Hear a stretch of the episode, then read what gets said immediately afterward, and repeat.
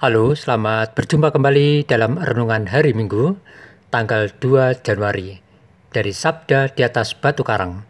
Bersama saya Antonius Burbiatmadi dari Paroki Maria Bunda Segala Bangsa Kota Wisata, Kuskupan Bogor. Saudara-saudari yang terkasih, renungan tertulis dapat saudara-saudari unduh atau baca dari laman Warta Paroki Maria Bunda Segala Bangsa www.mabuseba.org. Hari ini adalah hari penampakan Tuhan dan sekaligus adalah hari anak misioner sedunia. Tema renungan kita hari ini iman yang cemerlang yang terinspirasi dari bacaan kitab suci hari ini.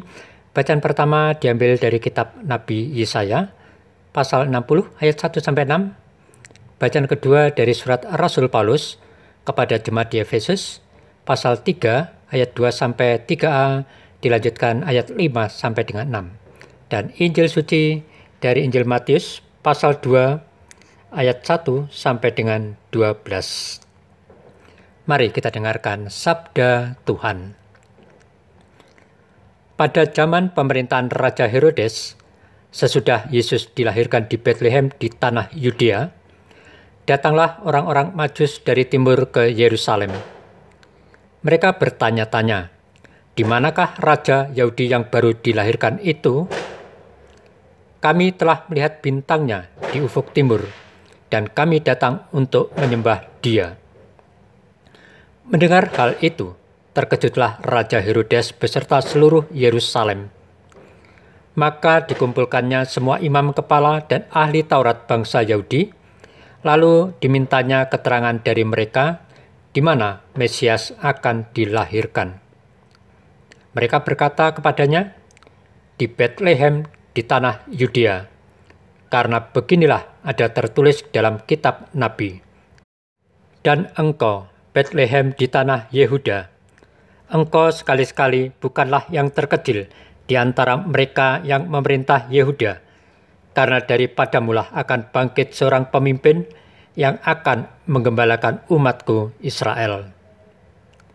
Lalu dengan diam-diam Herodes memanggil orang-orang majus itu dan dengan teliti bertanya kepada mereka kapan bintang itu nampak. Kemudian ia menyuruh mereka ke Bethlehem katanya, Pergilah dan selidikilah dengan seksama hal ikhwal anak itu.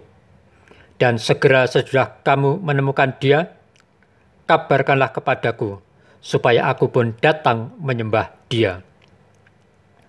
Setelah mendengar kata-kata Raja Herodes, berangkatlah para majus itu, dan lihatlah, bintang yang mereka lihat di timur itu mendahului mereka, hingga tiba dan berhenti di atas tempat di mana anak itu berada. Melihat bintang itu, sangat bersuka citalah mereka, maka masuklah mereka ke dalam rumah itu dan melihat anak itu bersama Maria ibunya. Lalu mereka sujud menyembah dia. Mereka pun membuka tempat harta bendanya dan mempersembahkan persembahan kepada anak itu, yaitu emas, kemenyan, dan mur. Kemudian, karena diingatkan dalam mimpi, supaya jangan kembali kepada Herodes, mereka pun pulang ke negerinya lewat jalan lain. Demikianlah Injil Tuhan. Terpujilah Kristus. Saudara-saudari yang terkasih, pada malam hari yang cerah biasanya tampak banyak sekali bintang bercahaya. Bintang di langit bukan sekedar hiasan keindahan malam bagi alam semesta Allah menciptakan bintang di langit juga sebagai alat pemandu atau petunjuk bagi kita. Pada zaman dahulu, di mana teknologi belum secanggih sekarang, sebuah bintang tertentu atau susunan bintang-bintang itu digunakan sebagai penunjuk arah ketika di malam hari, khususnya navigasi pelayaran, atau untuk petunjuk keperluan musim-musim tanam ataupun panen dan sebagainya.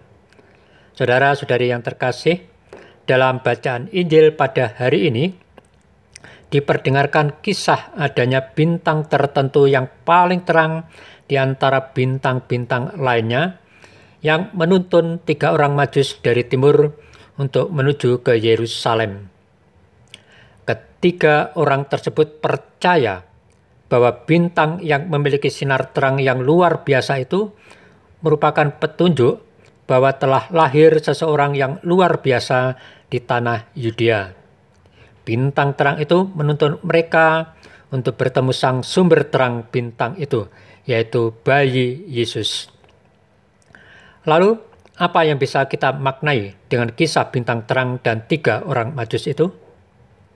Saudara-saudari yang terkasih, dalam hidup kita sering dimotivasi untuk meraih bintang di langit, yang tentu maksudnya adalah cita-cita, harapan akan kehidupan yang baik, selalu bersinar meski dalam kegelapan. Agar kita bisa meraih atau mewujudkan cita-cita, tentulah kita harus berusaha bekerja dengan cerdas dan giat. Tiga orang majus yang dibimbing oleh terang bintang itu menggambarkan betapa mereka mengimani Yesus Sang Raja. Dan mereka berusaha dengan upaya dan kegigihan dalam mencari Yesus. Saudara-saudari yang terkasih, kita telah memasuki tahun baru tahun 2022. Tentu, kita sudah memiliki aneka angan-angan, cita-cita, atau rencana untuk kehidupan kita di sepanjang tahun baru ini. Seperti tiga orang majus, mari kita memiliki sikap percaya, hidup yang penuh usaha yang gigih, dan dengan terbuka hati mau menerima tuntunan terang roh kudus, agar kita mampu menemui dan menyembah Yesus. Itulah sikap iman yang cemerlang. Saudara-saudari yang terkasih, sebagai orang beriman, kita percaya bahwa jika hidup kita dalam bimbingan dan kehendak Allah, maka hidup kita akan penuh berkat dan kelimpahan lainnya. Itulah janji Allah bagi umatnya. Sebagaimana kita dengarkan dalam bacaan pertama tentang nubuatan Nabi Yesaya bahwa Allah menjanjikan kehidupan baru bagi bangsa Israel. Mereka akan kembali mengalami masa keemasan, menjadi makmur karena Allah akan melimpahi mereka dengan harta dan kemuliaan. Demikian halnya dalam bacaan kedua, Rasul Paulus memperkenalkan dan menjelaskan mengenai janji keselamatan yang datang dari Allah yang akan dinikmati oleh mereka yang percaya kepada Allah. Saudara-saudari yang terkasih, perjalanan hidup kita di tahun baru ini masih panjang dan tentu ada hal-hal yang akan merintangi kita dalam mewujudkan angan-angan, cita-cita atau harapan kita. Seperti tiga orang majus, marilah kita menjalani tahun 2022 ini bersama Yesus Kristus, Sang Terang Sejati, yang sudah bersama dengan diri kita masing-masing. Mari kita memiliki iman yang cemerlang, yakni iman yang mau dituntun oleh Yesus, Sang Terang Sejati, untuk berjalan bersamanya dalam perlindungannya, sehingga kita memperoleh keselamatan untuk hidup kekal kita. Amin. Semoga Tuhan memberkati kita dan selamat berhari Minggu.